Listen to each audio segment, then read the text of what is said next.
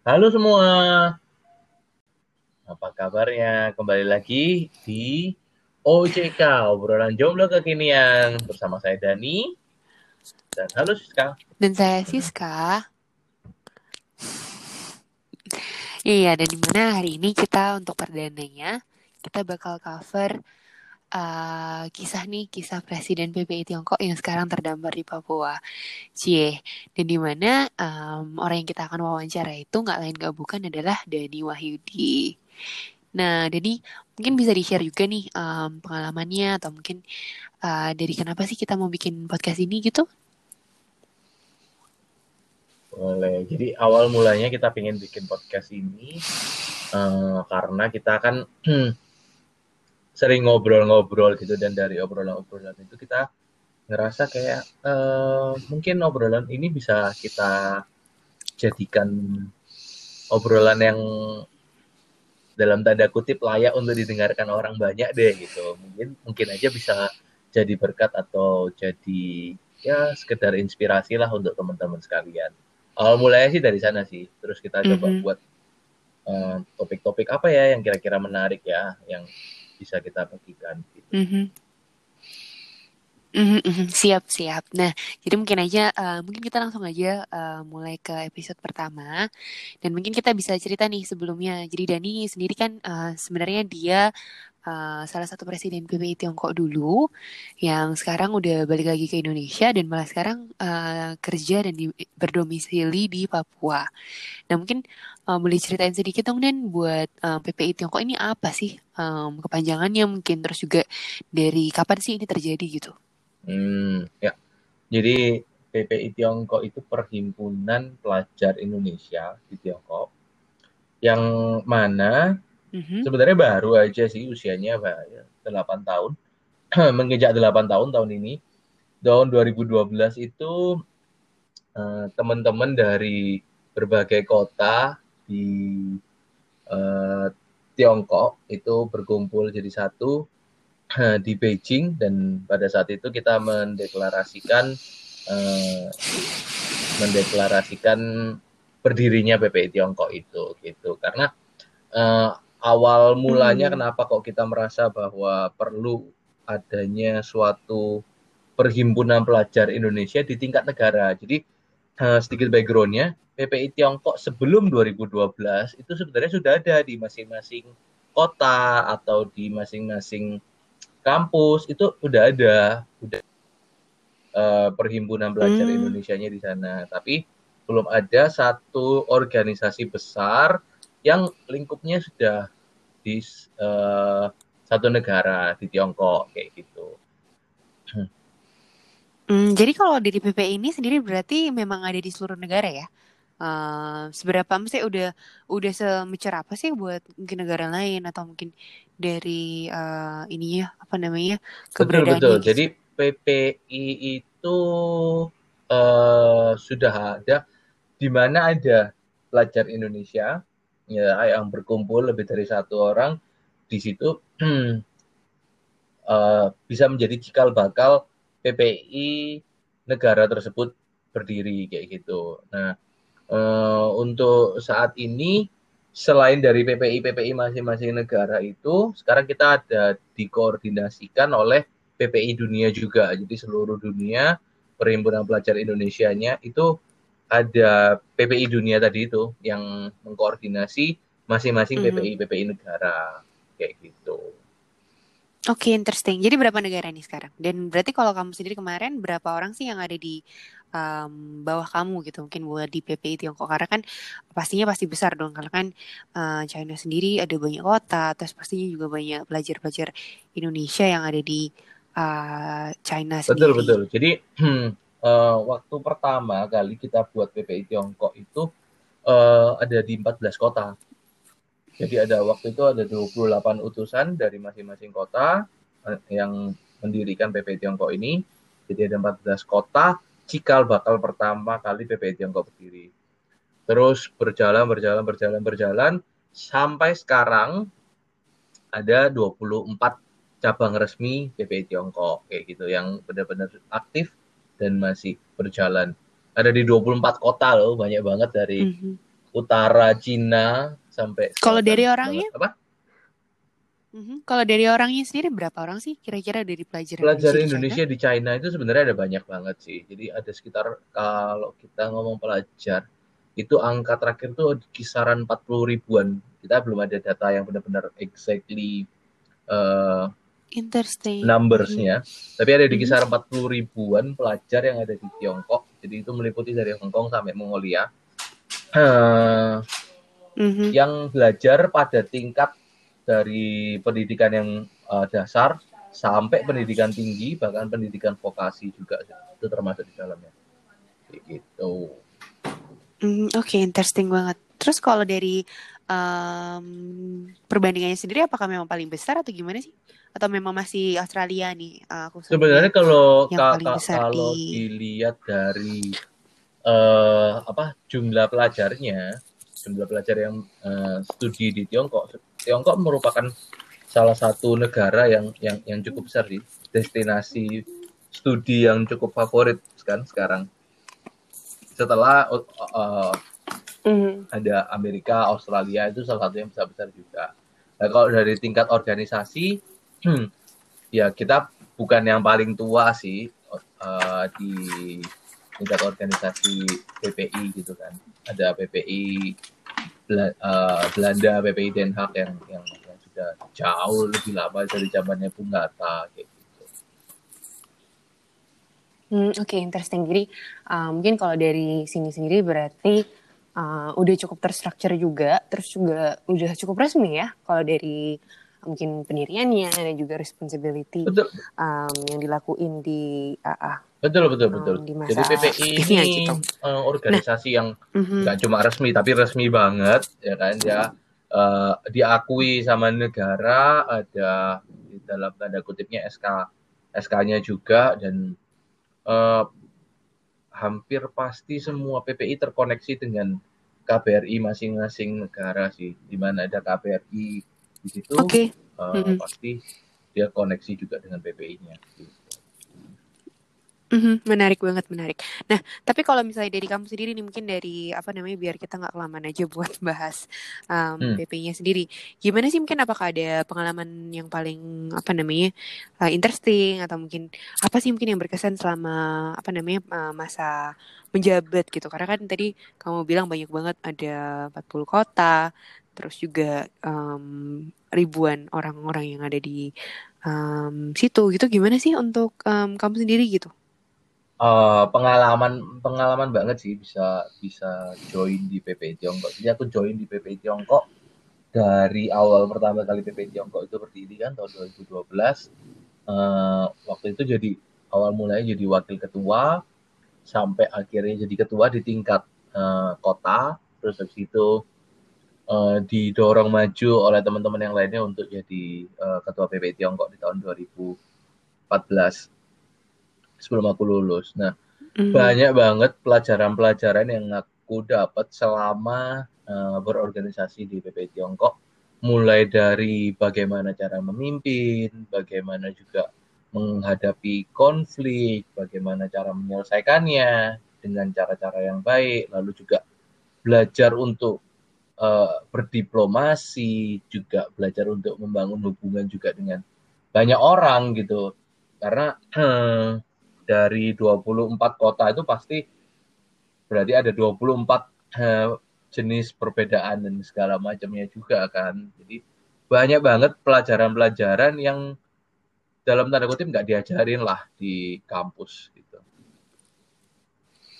Mm-hmm, Oke, okay, interesting. Nah, terus tapi kalau dari uh, ininya sendiri, kalau aktivitasnya atau mungkin um, yang secara garis besar yang paling wow itu apa sih? Karena kan uh, sempat juga kamu ke ke mana yang uh, sempat ada perkumpulan di, uh, di dunia itu kan yang sempat kumpul bareng. Itu ngapain sih? Maksudnya um, buat mungkin yang nggak tahu tuh uh, ngapain aja sih mungkin tugas atau visi besarnya buat dari organisasi gitu waktu kamu menjabat? Jadi uh, waktu aku menjabat hmm, kita setiap tahun di PPI dunia itu ada namanya kongres gitu kan kongres PPI dunia. Nah di kongres mm -hmm. PPI dunia waktu aku menjabat itu kongresnya lagi diadakan kongres dan simposium itu lagi diadakan di Tokyo, Jepang. Jadi waktu itu aku dan uh, salah satu temen juga ada Kak Fatan Simbiring itu bareng ke Jepang ke Tokyo untuk ikut itu uh, kongres dan simposium itu di situ kita juga uh, sempat sharing tentang bagaimana jadi di simposium itu lebih kayak ke arah ini nih apa ada topik yang dibahas kan jadi kayak uh, apa sih yang bisa di, dilakukan untuk Indonesia saran dan segala macam based on dari negara-negara yang mm -hmm. ada itu jadi contoh kita di Tiongkok nih apa yang kita pelajari di Tiongkok nah itu it, itu itu yang kita mm -hmm. sharingkan kita waktu itu sharingkan tentang transportasi mm -hmm. uh, gimana masifnya transportasi di Tiongkok tapi juga uh, masif dalam tanda kutip dalam hal uh, jumlah penumpangnya ya jumlah penggunanya tapi juga gimana sistemnya integrasinya dan segala macamnya itu itu yang kita sharingkan di situ kayak gitu. Mm -hmm. uh, interesting banget, interesting. Menarik banget. Nah, uh, oke okay, terus mungkin kita move on aja deh. Uh, setelah mungkin penjabat juga gitu kan karena um, menarik juga tuh dari China terus akhirnya balik ke Indo. Terus malah sekarang domisilinya berubah nih dari daripada mungkin yang dulunya lahir tinggalnya di Surabaya terus sekarang pindah di Papua. Kenapa sih Den? Apa sih yang mungkin um, apa namanya bikin kamu oke okay, kayaknya mau pindah aja. Emang gak kepikiran juga gitu mungkin buat tinggal di uh, China atau gimana sih untuk um, kejadiannya sendiri gitu? Enggak sih, jadi dari awal banget aku sekolah ke Tiongkok ke Cina, aku udah udah udah punya dalam tanda kutip goal lah. Aku mau, oke, okay, kenapa kok aku mau sekolah ke Cina, ke Tiongkok karena aku mau belajar di sana dan aku mau dapatkan ilmunya, aku mau dapatkan mau tahu culture-nya dan segala macamnya supaya uh, ketika aku balik ke Indonesia aku bisa mm-hmm. uh, kerjasama, aku bisa aku bisa menjalin hubungan yang baik dengan pasar pasar Tiongkok. Jadi kalau orang lain banyak mm-hmm. bertanya kan, oh dan kok uh, lu nggak ini sih nggak impor barang gitu dari dari dari Tiongkok ke Indonesia gitu kan? Kan uh, potensinya kan besar banget tuh untuk kita bisa apa impor barang gitu karena kita tahu di sana juga hmm, punya banyak kenalan dan segala macamnya. Potensinya sebenarnya ada untuk untuk untuk bisa impor barang dari Tiongkok ke Indonesia. Tapi aku bilang enggak ah.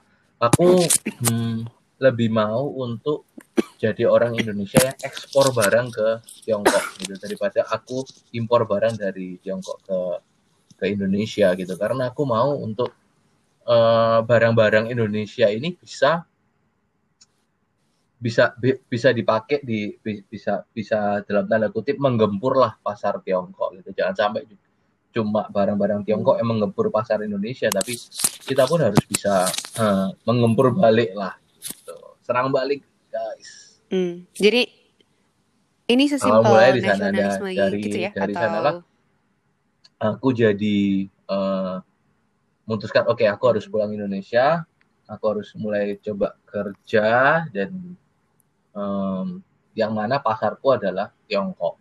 Dan kejadian benar sih, sekarang hmm. ke kerja bantu orang tua kebetulan, bantu orang tua um, bisnisnya di bidang kayu.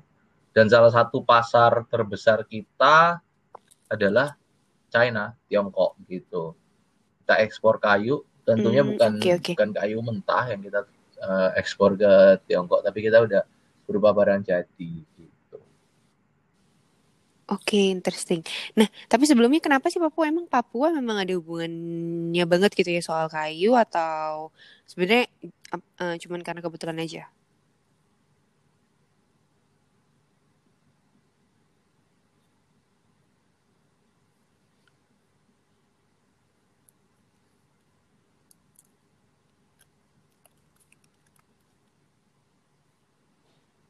Siska, Sumu putus ini ya, nggak dengar suaramu.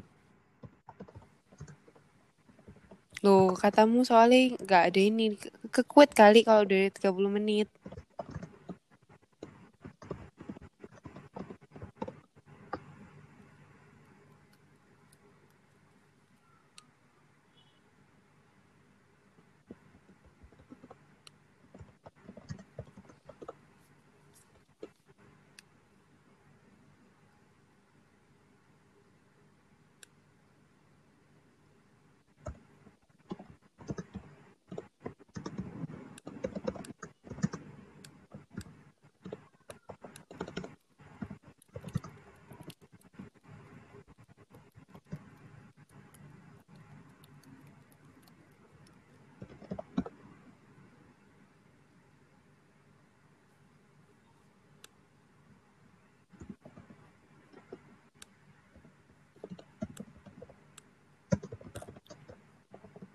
Oke, mungkin kita move on aja buat um, selanjutnya nih. Nah, tapi sebenarnya kenapa sih Den harus ke Papua gitu? Emang memang ada hubungannya sama Papua um, dengan kayu atau gimana nih? Um, dari mungkin industrinya sendiri karena kan kamu tadi bilang relevannya ke industri kayu. Makanya kamu um, sekarang pindah di uh, Indonesia gitu.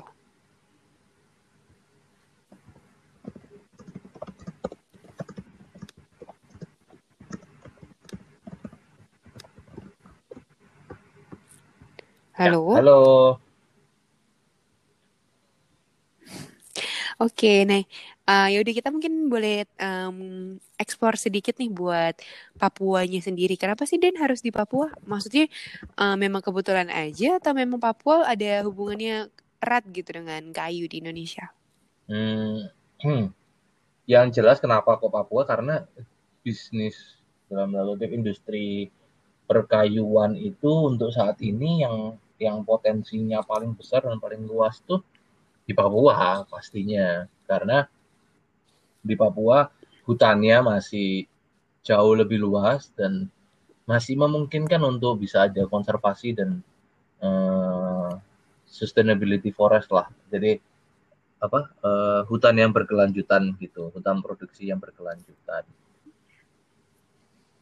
Hmm, oke oke. Uh, interesting sih karena uh, aku bayangin ini kan kalau misalnya kayu biasanya udah susah banget karena kan kebanyakan cuma ilegal gitu-gitu. Berarti sebenarnya banyak banget yang masih um, legal ya dan maksudnya masih banyak yang tadi kamu bilang uh, di reserve atau mungkin di spesifik buat khusus untuk berindustrial gitu benar, ya. Benar benar. Jadi huh, kalau orang biasanya dengar kadang kan kerja apa logging gitu, yang diingat cuma illegal logging doang gitu. Padahal enggak enggak enggak mm -hmm. coy gitu uh, logging itu bukan cuma tentang illegal logging tapi juga uh, sustainable forest juga ada di dalamnya gitu di mana uh, hutannya itu bukan sembarangan hutan yang dibabat habis babat alas gitu tapi hutan-hutan yang memang sudah dikonservasikan uh, untuk hutan produksi gitu itu pasti yang utamanya mm -hmm. dan terus juga kan mm -hmm. okay. uh, penebangannya juga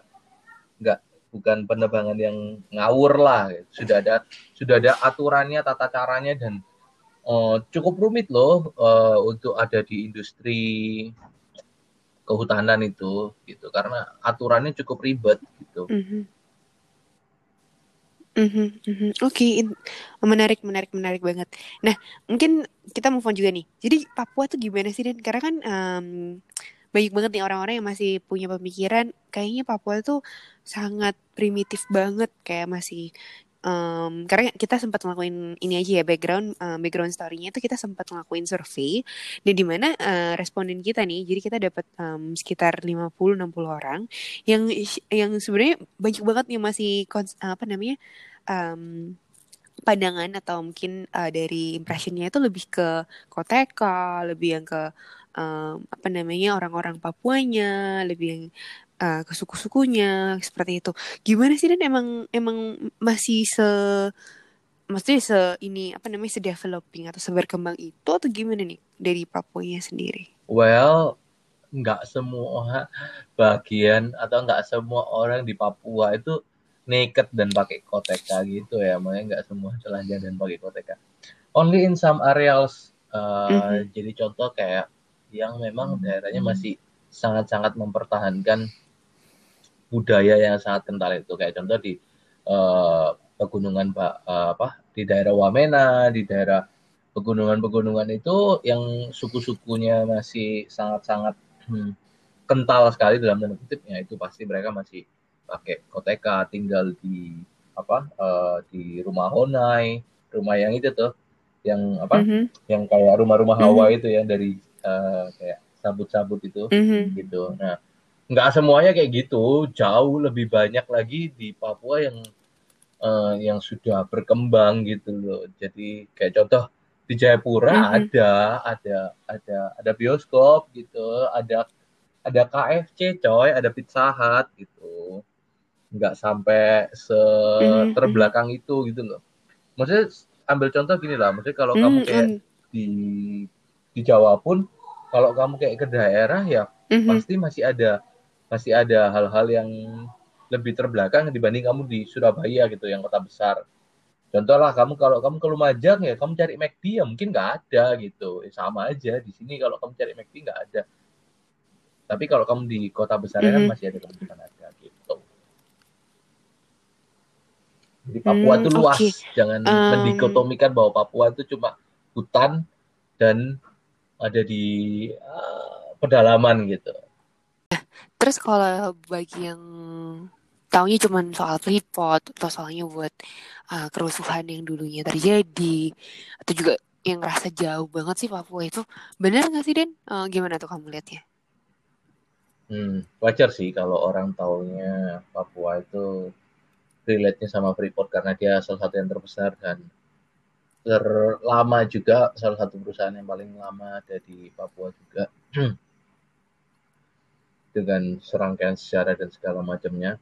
Tapi uh, aku mau bilang bahwa Papua itu nggak cuma Freeport gitu, ada banyak eh, hal-hal uh, yang lain juga yang besar juga. Jadi kalau kamu mau tahu tentang tambang gitu, nggak cuma Freeport, tapi ada minyak dan gas juga, LNG Tangguh yang gede mm -hmm. banget di sini. Mm -hmm. uh, salah satu operatornya itu operator ininya BP British Petroleum itu besar juga di sini.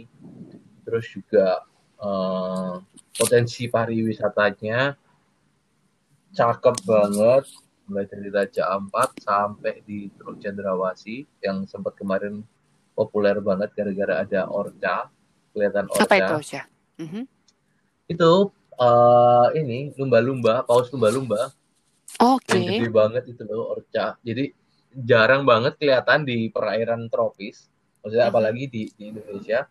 Tapi mm -hmm. kemarin sempat viral banget gara-gara ada orca kelihatan di perairan Nabire gitu orang main-main sama orca mm -hmm. video dari dari agak jauh gitu jadi menarik banget jadi hmm, flora dan faunanya menarik banget terus juga potensi alamnya itu indah dan benar-benar menarik banget untuk untuk untuk untuk kita kunjungi untuk kita lihat secara langsung gitu.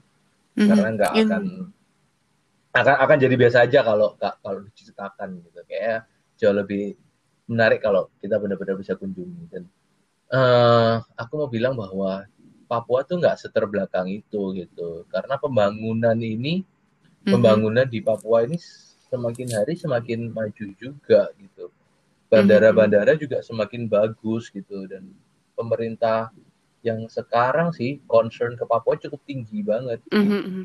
Mm-hmm. Pembangunan bandaranya kualitasnya sudah bagus, terus juga pembangunan jalannya juga bagus, interkoneksi uh, ke masing-masing kota itu sekarang jauh lebih mudah dan jauh lebih bagus dibanding mm-hmm. Let's say 10 tahun yang lalu lah, let's say 10 tahun 10 15 tahun yang lalu uh, aku pertama kali terus terang baru menginjakan kaki di tanah Papua itu tahun 2006. Mm-hmm. Sekitar 14 tahun yang lalu dibanding 14 tahun yang lalu sekarang itu jauh jauh jauh jauh lebih bagus gitu 14 tahun yang lalu dari Manokwari jadi salah satu kota besarnya ibu kota di Papua Barat untuk ke tempatku di Bintuni itu bisa sampai 21 jam waktu itu untuk apa ini kondisi untuk daratnya ya untuk jalan darat nih ya untuk jalan hmm. darat bisa sampai bisa sampai 21 jam waktu itu terus kalau Karena sekarang berapa jam nih? Hmm. banget sekarang sekitar 5 uh, 6 jam lah 6 6 wow. 7 jam normal. 6 7 jam hmm. sudah sudah tembus dan jalannya pun juga sudah cukup bagus lah. Hmm, oke okay, interesting. Dan banyak uh, tadi kalau tadi kamu bilang banyak banget ini sebenarnya perusahaan luar negeri juga terutama di minyak uh, minyak dan gas. Kalau gitu banyak juga nggak sih ekspatnya sebenarnya atau sebenarnya um, nggak juga gitu. Kalau dari mungkin dari um, orang-orangnya gitu banyak sih uh, tapi kan kebanyakan ekspat yang ada di sini kan ekspat yang kerja jadi bukan hmm. kayak kamu bisa turis. lihat ekspat kayak tapi di kan Bali tetap berarti gitu, wow turis, banget gitu. Hmm, jadi malah Enggak. unik sebenarnya karena kan uh, profil atau mungkin uh, visinya mereka tuh udah beda banget kan kalau di Bali kan mungkin lebih ke liburan tapi yang ini tuh lebih ke uh, apa namanya uh, uh, kerja dan sebagainya kerja. terus uh, bener nggak sih juga, karena juga, uh, liburan juga sih kalau kayak kamu ke daerah Raja Ampat ya pasti Oke, okay, jadi malah balance ya. Jadi kayak Jakarta lah mungkin. Nggak tahu nih, banyak Paris ke Jakarta. Anyway, nah yeah. tapi kalau dari um, ini nih apa namanya ada mitnya kan soal air tuh katanya di Papua airnya mahal banget buat minum aja kayak aqua botol bisa sampai berapa puluh ribu padahal cuma air biasa. Bener gak sih? Kenapa sih bisa kayak gitu? Yes, jadi kalau kayak air di Papua memang relatif lebih mahal daripada di Jawa. Karena kan transportasi balik lagi nggak ada nggak ada pabrik yang merek Aqua atau merek Le Mineral yang ada di Papua kan gitu. Nah, pabriknya kan pasti kebanyakan semua masih di Jawa pabrik-pabrik ini air minum dalam kemasan yang yang high standard loh ya. Kalau untuk yang produksi lokal juga ada, cuma kan kualitasnya lain, rasanya lain dibanding dengan Aqua kayak gitu. Jadi ya wajar lah untuk untuk lebih mahal karena pengaruh logistik tadi. Hmm, oke, okay, interesting. Aquanya dari Jawa. Tapi berapa kali lipat? Apa beneran bisa sampai kayak 10 kali lipat? Enggak dong ya. Mungkin enggak kayak gitu lagi. Kalau kalau kalau kalau 10 kali lipat lebay sih, lebay. Tapi mungkin sebagai sebagai perbandingan satu dus aqua besar satu setengah liter di mm -hmm. di Bintun itu delapan puluh ribu. Harusnya berapa mungkin kalau, kalau di... di Surabaya mungkin 60 60 60 ribuan lah di Surabaya. 50 60 ribuan. Aku oh, jadi nggak jauh lah. jadi mungkin sekitar 20 persen 20 20an lah ya. mungkin perbandingan. Oke okay, ya. interesting. Ya, ya. nah terus kalau yang bagi bilang Papua jauh banget kayaknya tuh. uh, terus apa namanya tiketnya mahal. Bener gak sih? Um, gimana sih kalau misalnya dari kamu sendiri pengalamannya gitu? Depends. Mahal -huh. itu depends. Kalau kamu datang ke Papua waktu uh, musim Natal atau Lebaran, harganya bisa gila-gilaan, coy. Yang termahal yang pernah aku tahu untuk dari Surabaya, aku mau ke Manokwari, itu harganya hmm. 19 juta lebih. In which aku bisa naik apa uh, China Airlines ke LA dengan harga yang sama bahkan bisa lebih murah gitu. Mm, Tapi wow, itu kalau benar-benar high season banget ya itu benar-benar kalau yang high season yang gila-gilaan mm-hmm. in the normal season eh, nggak uh, semahal itulah cuma kalau kamu bandingkan dengan kamu ter mungkin kamu terbang ke regional Indonesia ya maksudnya Southeast Asia ya ya dia slightly lebih mahal lah karena mm. kan ya mungkin transportasinya dan biaya-biaya yang yang lainnya yang yang mungkin kita nggak tahu Oke, jadi hitungannya kalau misalnya dibandingin ke Singapura atau ke Malaysia itu memang bisa lebih mahal, cuman ya, sebenarnya nggak semahal itu masih masih mungkin comparable betul. gitu atau mungkin bisa dibandingkan. Consider, uh, ya. uh-huh. uh, considerably cukup masih reasonable lah harganya untuk saat-saat ini ya ini normal price. Dan kalau kita bicara tentang jarak gitu ya kan dari uh-huh. Surabaya, uh, apakah Papua itu jauh? Ya lumayan, lumayan jauh sih kalau kamu ini aku ambil mm-hmm. perbandingan lah kalau kita tarik garis lurus ya dari Surabaya ke Manokwari itu hampir sama dengan Surabaya ke Bangkok. Gitu. Jadi kalau kamu terbang ke Bangkok sama terbang ke Manokwari, jarak wise apa apa distance wise itu hampir sama gitu. Mm-hmm. Cara-cara okay. sama. Mungkin okay, secara menarik. waktu yang membuatnya berbeda karena kita harus transit kan, nggak ada direct mm-hmm. flight kan kalau dari Surabaya. Jadi harus transit dulu jadi uh, agak berbeda waktunya bisa lebih lama mm-hmm. karena waktu untuk kamu transit di biasanya Makassar ujung Padang. Hmm, Oke, okay, interesting. Nah, uh, ada apa lagi sih mungkin yang mungkin kita apa namanya harus tahu soal Papua? Apa sih yang mungkin kamu pengen juga share ke orang-orang yang mungkin ya. sebelumnya nggak tahu tentang Papua? Terus hmm. ada yang malah masih mikir kan, oh Papua tuh Nugini tuh. Jadi kayaknya kok malahnya kayaknya bukan di Indonesia lagi gitu kan? Ada lah pemikiran kayak gitu. Gimana sih kamu nanggepinnya?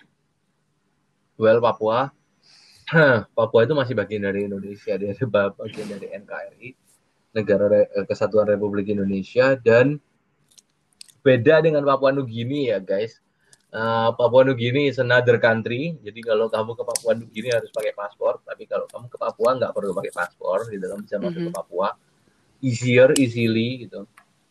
Dan Papua itu luas, come Papua itu luas, dia nggak cuma satu daerah, benar-benar uh, dari ujung utaranya sampai ke ujung selatannya itu gede gitu berkali-kali lipatnya Pulau Jawa gitu Papua oh, wow. seluas itu mm-hmm, mm-hmm. dan uh, kebanyakan orang tahunya Papua kan maksudnya cuma satu daerah uh, mereka tahu Papua tapi nggak tidak uh, benar-benar tahu apa apa yang ada yang ada di dalamnya kan dan Mhm. bahwa potensinya bahwa uh, kekayaan alamnya itu benar-benar indah banget untuk untuk untuk bisa kita kunjungi ke sana. Mhm. dan tapi aku mau bilang bahwa di Papua ini sebenarnya secara sumber daya alam itu benar wow banget lah. Hampir semuanya ada dari dari da- dari gunung yang bersalju sampai ke dalam lautan yang begitu indah dan bahkan eh, Raja Ampat itu salah satu dari apa eh, segitiga emasnya koral yang ada di dunia Mhm. jadi dari da- dari puncak gunung di Jayawijaya sampai ke dasar lautannya itu benar-benar cakep banget.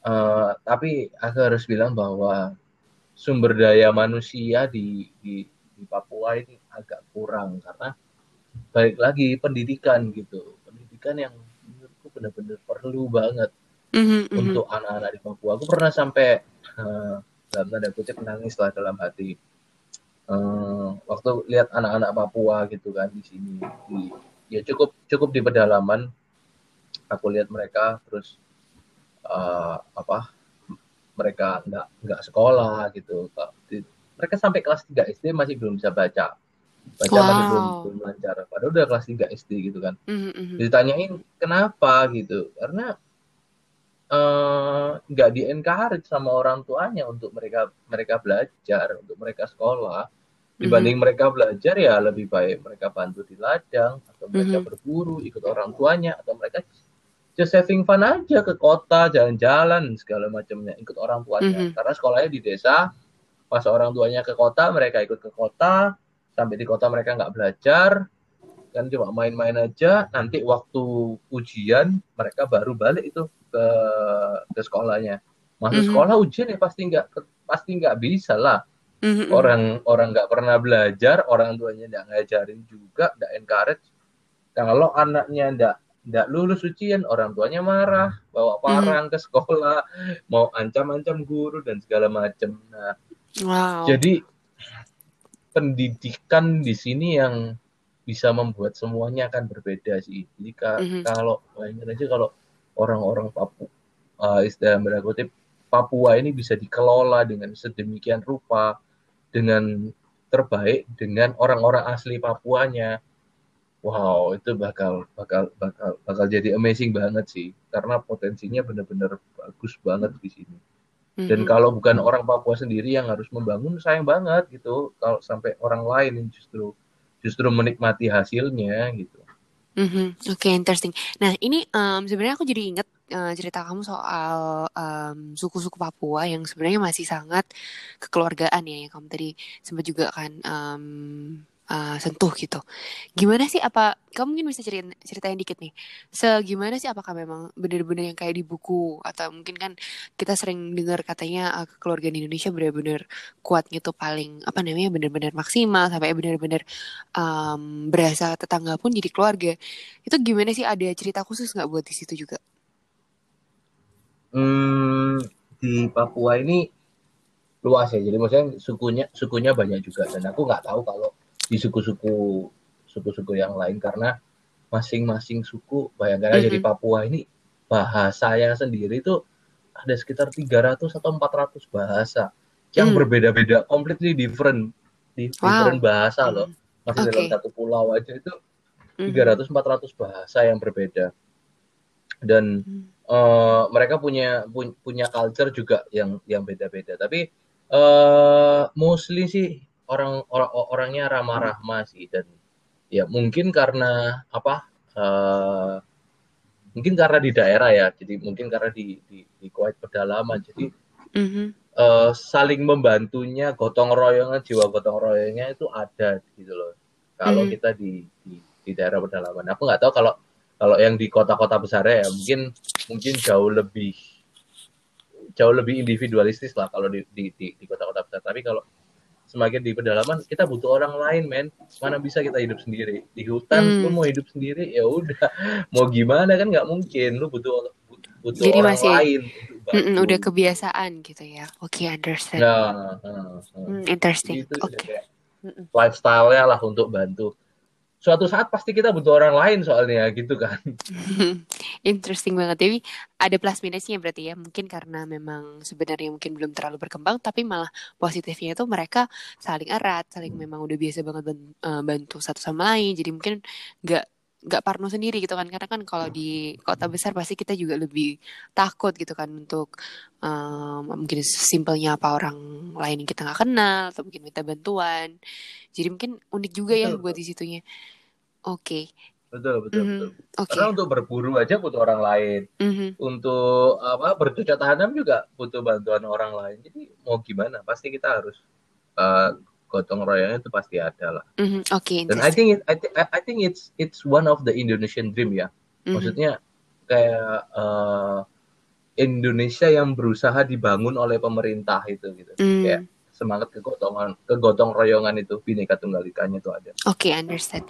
Nah, mungkin buat uh, sebelum kita tutup aja nih, um, pastinya kan kita penasarannya sebenarnya nyesel gak sih Dan apa namanya udah kuliah jauh di luar terus akhirnya um, balik ke Papua gitu kan. Orang-orang kan mungkin persepsinya ya. um, kayak gitu kan ketika kayak oh aku uh, aku sekarang di Papua kuliah tinggal um, kuliah di um, negara luar. Gimana sih kalau kamu nanggepinnya? yeah, yeah. ada nggak mungkin yang bikin kamu berubah uh, ubah mungkin um, dari persepsi orang atau juga mungkin apa yang kamu lakuin dulu sebelumnya gitu Enggak, enggak, enggak, enggak, enggak ada penyesalan sama sekali sih mm -hmm. aku ke Papua sih. Bahkan kalaupun aku enggak enggak kerja dalam tanda kutip, walaupun aku enggak enggak kerja uh, lanjutin usaha orang tuaku, enggak mm -hmm. ada enggak enggak apa? Enggak akan pernah menyesal untuk aku pergi ke Papua gitu mm -hmm. dalam tanda kutip. Untuk menjadi apa pun aku enggak pernah menyesal gitu untuk untuk untuk untuk ke Papua. Mm -hmm. Bahkan kalaupun aku enggak enggak enggak kerja ikut papaku pun uh, sebenarnya waktu awal pertama kali banget mm -hmm. pulang ke Indonesia udah udah langsung mau daftar ke Indonesia mengajar sih. Udah udah terbesit pikiran untuk oke okay, aku mau Papua aku mau mau bangun sesuatu di Papua kira-kira kayak gitu. Dan terus kebetulan karena sekarang kerja di Papua jadi semakin lebih lebih ngerti nih jadi nggak cuma sekedar datang ke Papua tapi bisa bisa kerja bisa bisa memberikan kontribusi lah. Mm-hmm. ya meskipun kontribusiku belum belum sebesar itu juga. Cuma ada ada selalu ada kepikiran sih. Selalu ada kepikiran untuk ke arah sana untuk gimana bisa membangun itu tadi si SDM yang tadi aku sempat mention. Mm-hmm. gimana bisa membangun SDM di Papua. Karena SDM di Papua itu kalau ada yang bilang bahwa orang Papua itu bodoh uh, atau bilang orang Papua tuh bebal, otak-otak mati. Well, enggak. Jadi kalau kamu bisa ada ada istilahnya apa ya? Saat kita kita harus benar-benar bisa putus satu generasi. Hmm. Karena kalau enggak pasti pasti dari dari orang tuanya orang tuanya yang dalam tanda kutip uh, bebal lah dalam tanda kutip nih bebal menurunkan ke anaknya bebal nanti menurunkan lagi ke cucunya bisa bebal kalau kita tidak putus satu generasi ini untuk untuk kita bisa membuat satu anak ini bisa jadi punya wawasan punya pengetahuan yang yang baik ya nggak akan Papua ini nggak akan berubah gitu. Mm -hmm. menurutku kenapa kok orang Papua ini menjadi uh, apa ya menjadi apa uh, dalam tanda kutip lebih terbelakang lah dibanding yang lainnya mungkin karena simply karena mereka kurang jalan-jalan gitu loh bayangin aja untuk kamu bisa ke kota Surabaya butuh butuh berjuta-juta gitu kan jadi mm -hmm. untuk mereka bisa melihat sesuatu peradaban yang jauh lebih maju itu butuh biaya yang besar gitu. Mm -hmm. Tapi kamu mm -hmm. dari bodoh untuk kamu ke kota pun butuh butuh biaya yang besar gitu loh. Mm -hmm. Jadi mm, otomatis ketika kamu ketika kamu kurang kurang jalan otomatis jadi jadi kurang juga wawasan, mm -hmm. kurang tahu lebih banyak orang dan segala macam. Mm -hmm. Itu kayak gitu sih. Cuman ini sebenarnya nggak cuma di Papua kan ya. Karena uh, setahu aku sendiri juga masih banyak juga kota-kota um, uh, pedalaman, nah terutama mungkin di desa yang masih punya mindset seperti ini. Karena kan memang kita udah biasa buat oke okay, kalau misalnya punya anak mending mereka bantu aja uh, di sawah atau di ini. Karena kan kelihatan mata mungkin untuk um, hasilnya secara instan. Cuman buat mungkin um, punya um, apa namanya punya kepercayaan atau mungkin um, pengetahuan bahwa ini lebih ke um, jangka panjang um, investasi, investasi jangka panjang. Ini adalah satu yang kita harus lakuin juga secara uh, komunitas buat me menyupport, jadi memberikan bantuan juga yang mungkin sekolahnya mungkin bisa dimurahkan atau diberikan akses juga supaya nggak terlalu jauh ke kota, supaya bisa sekolah lebih um, apa namanya terjangkau dan juga mungkin dari uh, sisi pengubahan uh, mindset atau mungkin mentalitas orang buat mikir kayak oke okay, kita memang harus belajar karena memang dengan belajar kita bisa tahu cara yang lebih um, baik Menarik, menarik banget. Oke, okay. mungkin kalau gitu kita uh, harus ini juga nih ngakhirin episode kali ini dulu karena udah lebih dari setengah jam juga kita ngobrol. Nah, hmm. ada nih ada ada kesan-kesan apa namanya ada ada mungkin kata-kata terakhir yang mau disampaikan buat um, teman-teman semuanya. Hmm, gak ada sih. Tapi aku pengen banget ngajakin kalau bisa, yuk kalian ke Papua dan lihat gitu sendiri bahwa Papua itu mungkin beda dengan apa yang mungkin kalian pernah bayangkan, mm -hmm. pikirkan, kira-kira gitu. Mm -hmm. Kalau kalian nggak lihat sendiri, gimana kalian bisa tahu? Benar-benar. Pastinya mungkin hopefully juga Jadi, akses ke sana bisa lebih murah atau lebih um, gampang juga. Dan pasti kita juga bisa explore apa pun yang sangat unik itu ya. Yang tadi dibilang soal um, gunung salju, terus yang tadi dibilang seputar uh, Raja Ampat dan juga um, apa namanya natural beauty yang lain. Buat mungkin bisa uh, apa namanya uh, diving ya karena kan banyak banget yang diving, diving, diving. Suka, suka banget ke Papua buat diving atau juga mungkin buat lihat sendiri gimana sih culture di Papua yang tadi orang-orangnya atau community-nya juga unik banget gitu. Atau dan juga ini ya rumah adatnya ya. Benar, hmm. benar. Oke, sip deh. Nah, hmm. kalau gitu kita mungkin benar. harus tutup dulu. uh, uh -huh, ya. Nah, kita harus tutup dulu nih episode kali ini. Jadi mungkin buat teman-teman yang uh -huh. pengen tahu lebih dalam ya kan tentang uh -huh. Papua atau mungkin ada pertanyaan dan segala macam, bisa hubungi aku di uh -huh. DM langsung connect. Instagram uh -uh. di di Dani Wayudi. Oke. Okay. Nah, terus juga buat kalian yang pingin kasih kita saran, kasih kita ide nih atau um, buat uh, reach out langsung aja ke kita, bisa juga kalau aku di um, Fang Raharjo buat Instagramnya. Um, kalau enggak kita juga bisa kontak melalui Facebook ataupun um, Twitter ataupun other media channel. Oke kalau gitu mungkin uh, kita bakal apa stay tune aja. Masa kita bakal um, kembali lagi buat um, next episode yang selanjutnya. Terus kita nggak sabar nih buat connect lagi sama kalian. Semoga bermanfaat ya um, apa pun yang kita diskusikan hari ini. Oke deh kalau gitu. Semoga menginspirasi. Mm -mm, selamat beraktivitas. Salam OJK. Salam OJK. Bye. Salam OJK.